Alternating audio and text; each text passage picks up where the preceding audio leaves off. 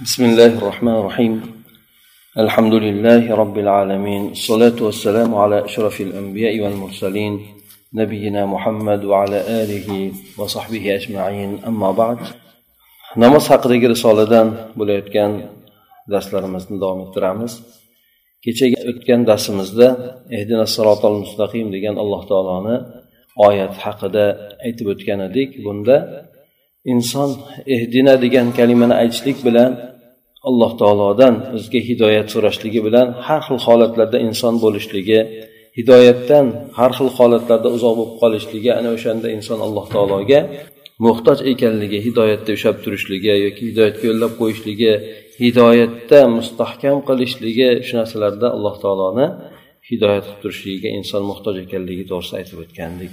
Ana undan keyin sirotol mustaqim kalimasi ya'ni to'g'ri yo'l kalimasini tafsir o'laroq bu kishi aytib o'tganda oltita narsa uni arkoni bor.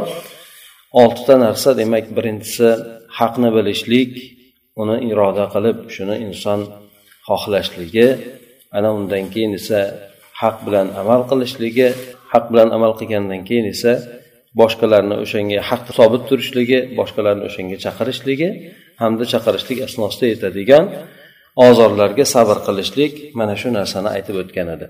Ana undan keyin alloh taoloni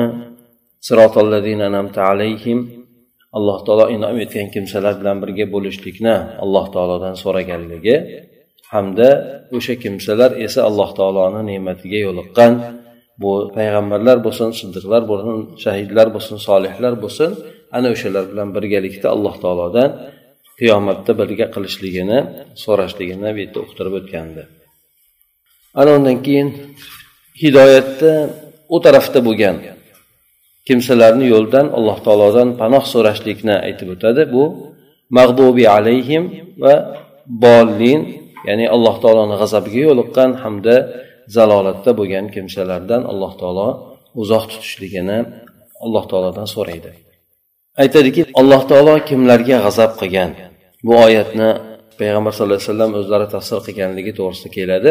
Bu yahudlar hamda zalolatga ketganlar esa nasorolar deb aytib o'tadi. Lekin payg'ambar alayhisalomdan keyin endi hozirgi paytda mufassirlar yoki hozirgacha bo'lgan mufassirlar aytadiki yahudlar va yahudlarni tabiatiga kirib ketganlar.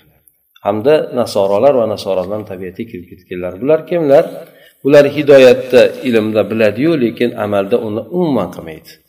Haqni biladi haq bilan amal qilmaydi. Shuning uchun alloh taolo ularga g'azab qilgan ularni rahmatidan chiqarib yuborgan. Yahudlarni tabiati shunday bo'lgan. Payg'ambar alayhissalom payg'ambar ekanligini aniq bilishgan lekin u kishiga ergashmagan. Bu yerdagi siyg'a ommatan kelyapti. Toinki aytib o'tganimizdek nafaqat yahudiylar balki hamma o'sha allohni g'azabiga yo'liqqanlar. Hamda shu bilan birgalikda kimni g'azabiga yo'liqqan degan nimada bu kishi ham aytib o'tyaptiki ommatan kelyapti bu yerdagi siyg'a ollohni g'azabiga farishtalarni g'azabiga payg'ambarlarni mo'minlarni g'azabiga birgalikda kirishlik uchun. Ana ularni hammasi allohni g'azabiga yo'liqadigan kimsalar hamma tillarda ham hamma tomondan ham la'nat aytilgan odamlar bo'ladi deydi. Bu yerda endi bizga buni qanday ta'siri bor yoki bo'lmasa biz qanday bundan xulosa olamiz? Bundan aytyaptiki bu yerda inson inom ya'ni ne'mat maqomiga sho'ng'ib ketib qolib o'shanga botib ketib qolishligidan ya'ni bu bilan esa inson boshqa tomondagi maqomlarni unutib qo'yishligidan qo'rqib doim qo'rquvda hamda umidni o'rtasida aralashib turishligi kerak bo'ladi. Ya'ni inson faqat alloh taoloni ne'matiga berilib ketib qolib alloh taolo inom etadigan bo'lsa u bilan inson o'zidan ketib qolib boshqa tomondagi bo'lgan ya'ni ne'matlarni unutib qo'yishligi bo'lmasligi uchun inson doim alloh taolodan qo'rquvda bo'lib turishi kerak ekan alloh taolodan doim umidda bo'lib turishi kerak ekan. Allohni azobidan g'azabidan qo'rqib hamda alloh taoloni rahmatidan jannatidan umid qilib inson yashashlik kerak ekan. Ne'matlar bo'layotganligiga inson mahliyo bo'lib o'zidan ketib qolmasligi uchun deydi. Dollun kalimasi bu yerda adashgan kimsalar bular hidoyatdan og'ib ketgan odamlar. Hidoyatga yo'llanolmasdan qolgan odamlar. Bular hayratga tushib qolgan odamlar. Ya'ni to'g'ri yo'lda bo'lmagandan keyin to'g'ri yo'lni topolmagandan keyin aslida bilmagandan keyin bular hayratga tushib qoladi. Bu hidoyatga demak ular berilmagan ham unga muvaffaq ham qilinmagan. Ana o'shanday bo'lgan kimsalarni yo'lidan alloh taolodan panoh berishligini hamda o'zi inom etgan kimsalarni yo'liga yo'llab qo'yishligini inson har namozda so'raydi. Ana o'shandek siz namozingizda alloh taolo inom etgan kimsalarni yo'liga yo'llab qo'yishligini duo qilib so'rang. Endi haqni bilganu haqqa ergashishlikni rad etgan odamlarni yo'liga ham emas. Va shuningdek haq yo'ldan adashib ketib gandiraklab yurgan odamlarni yo'liga ham yo'llab qo'ymasligini alloh taolodan so'rang. Bular ikkinchi toifadagi bo'lgan o'sha haqdan adashib ketgan kimsalar haqni boshida ko'rmagan shuningdek oxirida haqqa muvaffaq ham bo'lmagan ya'ni haqqa erishmagan ham. Ana o'shanday bo'lgan kimsalarni yo'llaridan alloh taolo panoh berishligini so'rab duo qiling. Ibn qayim bu yerda mana shu aynan vatha surasidagi shu oyatlarni tahlil qilib aytgan ekanki inson tushunchasi to'g'ri bo'lishligi hamda maqsadi to'g'ri bo'lishligi bu alloh taoloni eng katta bo'lgan ne'matlaridan bo'ladiki bandaga inom etgan. Balki banda islomdan keyin mana shu ikkala tushunchasi to'g'ri hamda qasdi to'g'ri bo'lishligi maqsad to'g'ri bo'lishligidan ko'ra bironta bir afzal bo'lgan yoki ulug' bo'lgan atoga ne'matga berilmagan inson. Ya'ni islomdan keyingi eng afzal ne'mat hisoblanadi. Balki bu ikkalasi islomni tutib turuvchi boldiri bo'ladi. Islomni asoslanishligi ham shu ikkalasiga bo'ladi. Mana shu ikki narsa bilan banda allohni g'azabiga yo'liqqan kimsalarni yo'ldan omonda bo'ladi. Bularni allohni g'azabiga yo'liqqan kimsalarni maqsadi buzuq bo'lgan. Ha ular shuncha haqni tushunishgan lekin maqsadi haqqa ergashishlik bo'lmagan. Ikkinchisi zalolatga ketgan kimsalarni yo'ldan ham omonda bo'ladiki bularni o'zi aslida tushunchasi buzilgan haqni tushunmagan. Ana shu bilan birgalikda inson shularni yo'lidan omonda bo'ladida hamda ham tushunchasi hamda maqsadi chiroyli bo'lgan alloh taolo ne'matiga yo'lgan yo'liqqan kimsalardan toifasidan bo'ladi. Ana o'shalar alloh taoloni to'g'ri yo'lida bo'lgan kimsalar bo'ladiki alloh taolodan biz doim namozimizda o'shalarni yo'liga yo'llab qo'yishligini so'rashlikka ma'mur bo'lganmiz. Bu yerda yana o'sha oyatda kelgan nozik bir lug'aviy holatga ham e'tibor bering deydi. Bu yerda alloh taolo inom etganligi alloh taoloni zamiriga qo'shilgan ya'ni an'amta deb turib sen inom etgan deb alloh taologa nisbatlandi. Bu albatta inom etilgan kimsalarni sha'nini ko'tarishlik ularni qadrini yuksaltirishlik bobidan bo'ladi. Ya'ni alloh taolo ularni o'ziga yaqin olganligi ularga ne'mat ato etganligi demak o'shanday bo'lgan kimsalarni qadri yuksak ekanligiga dalolat qiladi. Bu albatta allohni g'azabiga yo'liqqan yoki zalolatda bo'lgan kimsalarni xilofida. Yana bunda alloh taolo bilan birgalikda odob ham borki bu yerda inson ne'matniyu hidoyatni allohga nisbatlayapti yoki nisbatlashlik bor. Endi g'azab keladigan bo'lsak buni foili hazf qilingan. Mag'bubi alayhim deb kim tomonidan g'azab qilinganligi aytilmagan. Bu adab jihatdan hamda zalolatni esa bandalarni o'ziga yo'naltirilgan. Allohni asosan beradigan narsasi rahmat. O'shandan mahrum bo'lgan kimsa ollohni g'azabiga yo'liqadi. Agar bilib amal qilmasa yoki o'zi adashib ketib qolgan odam bo'ladi haqni bilishlikka harakat ham qilmasa. Bu kishi o'zini holatda bir hisob kitob qilishlik haqida aytib o'tyaptiki men birinchi marta o'sha namozda berilib o'qiyotgan holatimda deydi. Bir o'tgan kunlarimni hamda amallarimni sahifalarini bir kuzatib chiqaman deydi. Ya'ni murojaat qilaman o'shalarga. Va men bironta bir haqni bilib turib keyin undan keyin orqaga tisalib ketib qolgan bo'lishligimu alloh taolo menga g'azab qilib qo'ygan bo'lishligidan qo'rquvni his qilaman deydi. Demak ya'ni allohni g'azabi qachon keladi? Inson haqni bilib uni rad etadigan bo'lsa allohni g'azabiga yo'liqib qolar ekan inson. O'shanday holat menda sodir bo'lganmi deb bir qator o'zimni amallarimni sahifalarini kuzatib chiqaman deydi va yana shuningdek shayton o'zini botilni menga ziynatlab qo'ygan bo'lib men keyin o'sha botil bo'lgan narsani haq ko'rib qolib shu bilan birgalikda amalim yomon bo'lib o'sha yomon amallarni qilganmanu amallarim ko'zimga chiroyli ko'rinib ketib o'shanday zalolatda bo'lib qolgan odamlardan bo'lib qolishligimdan qo'rquvni his qilaman deydi demak inson bu yerda bu kishi o'zini holatida aytib o'tyapti.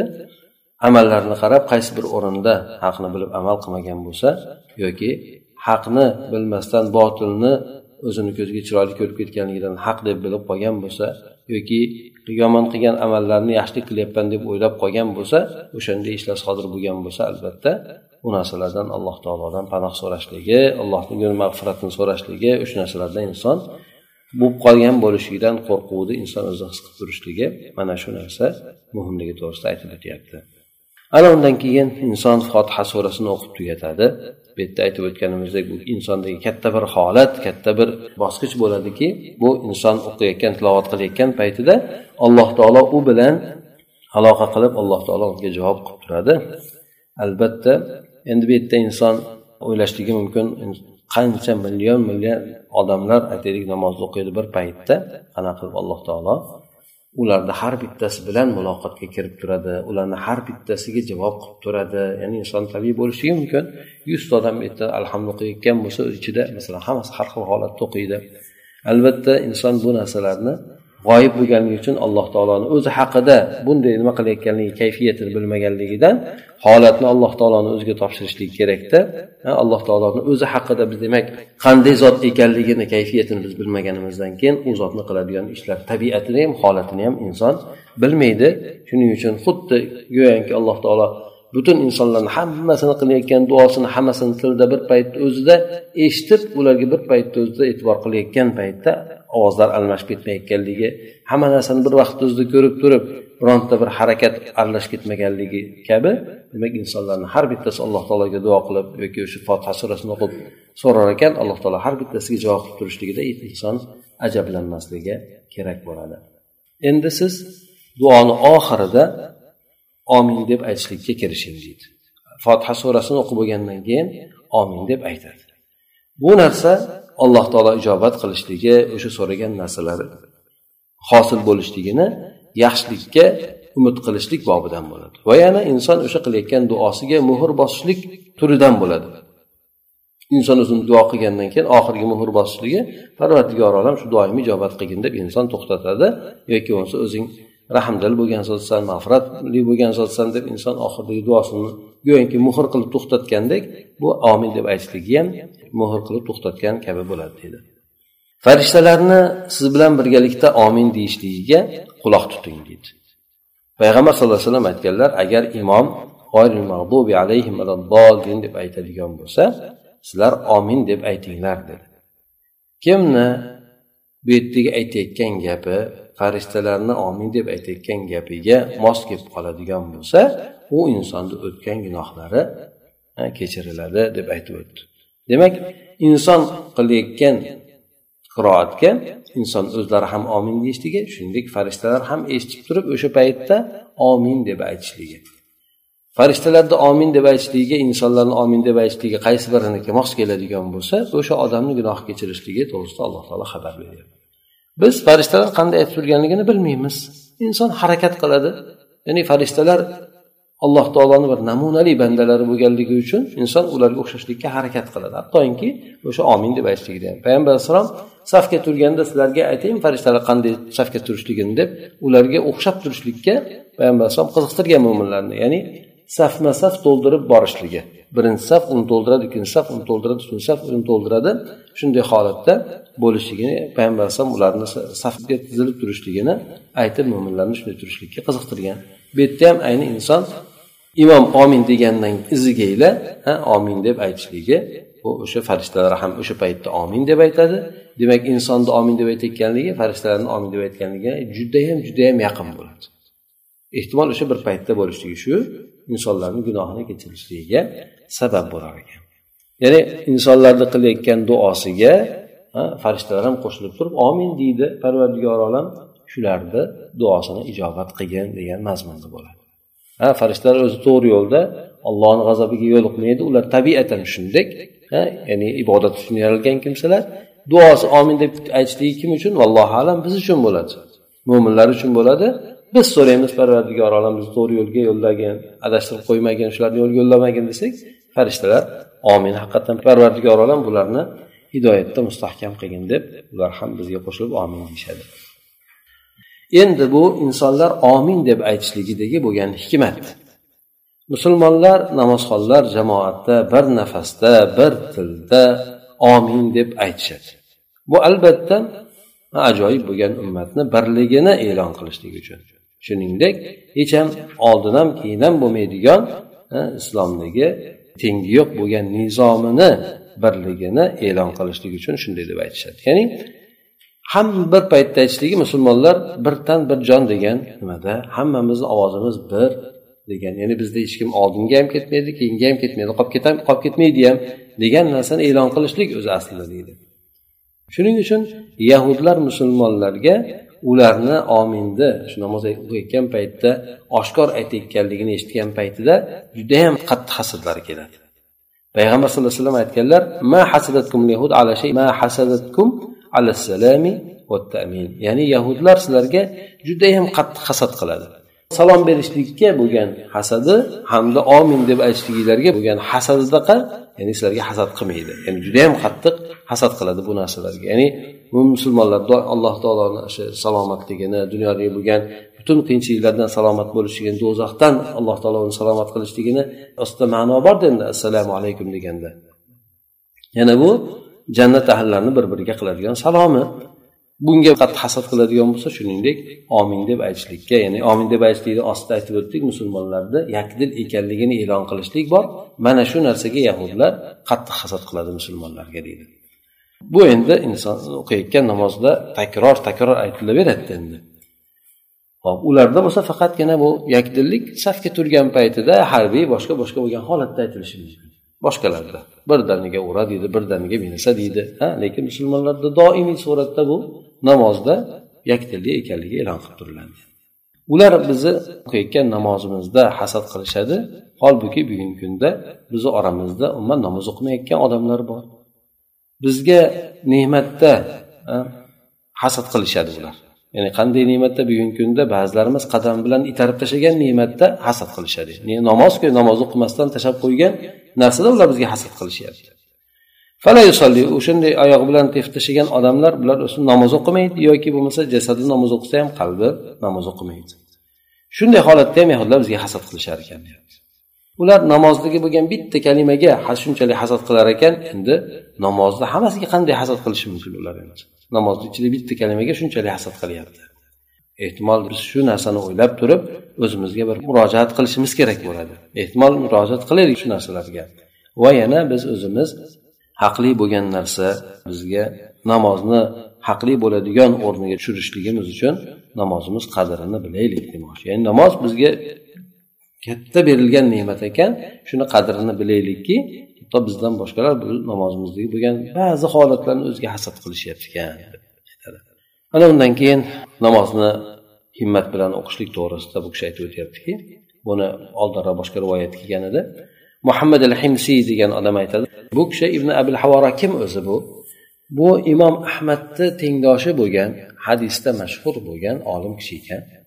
Shom diyorida yashab o'tgan abu dovud yana boshqa muhaddislarni ustozi bo'lgan.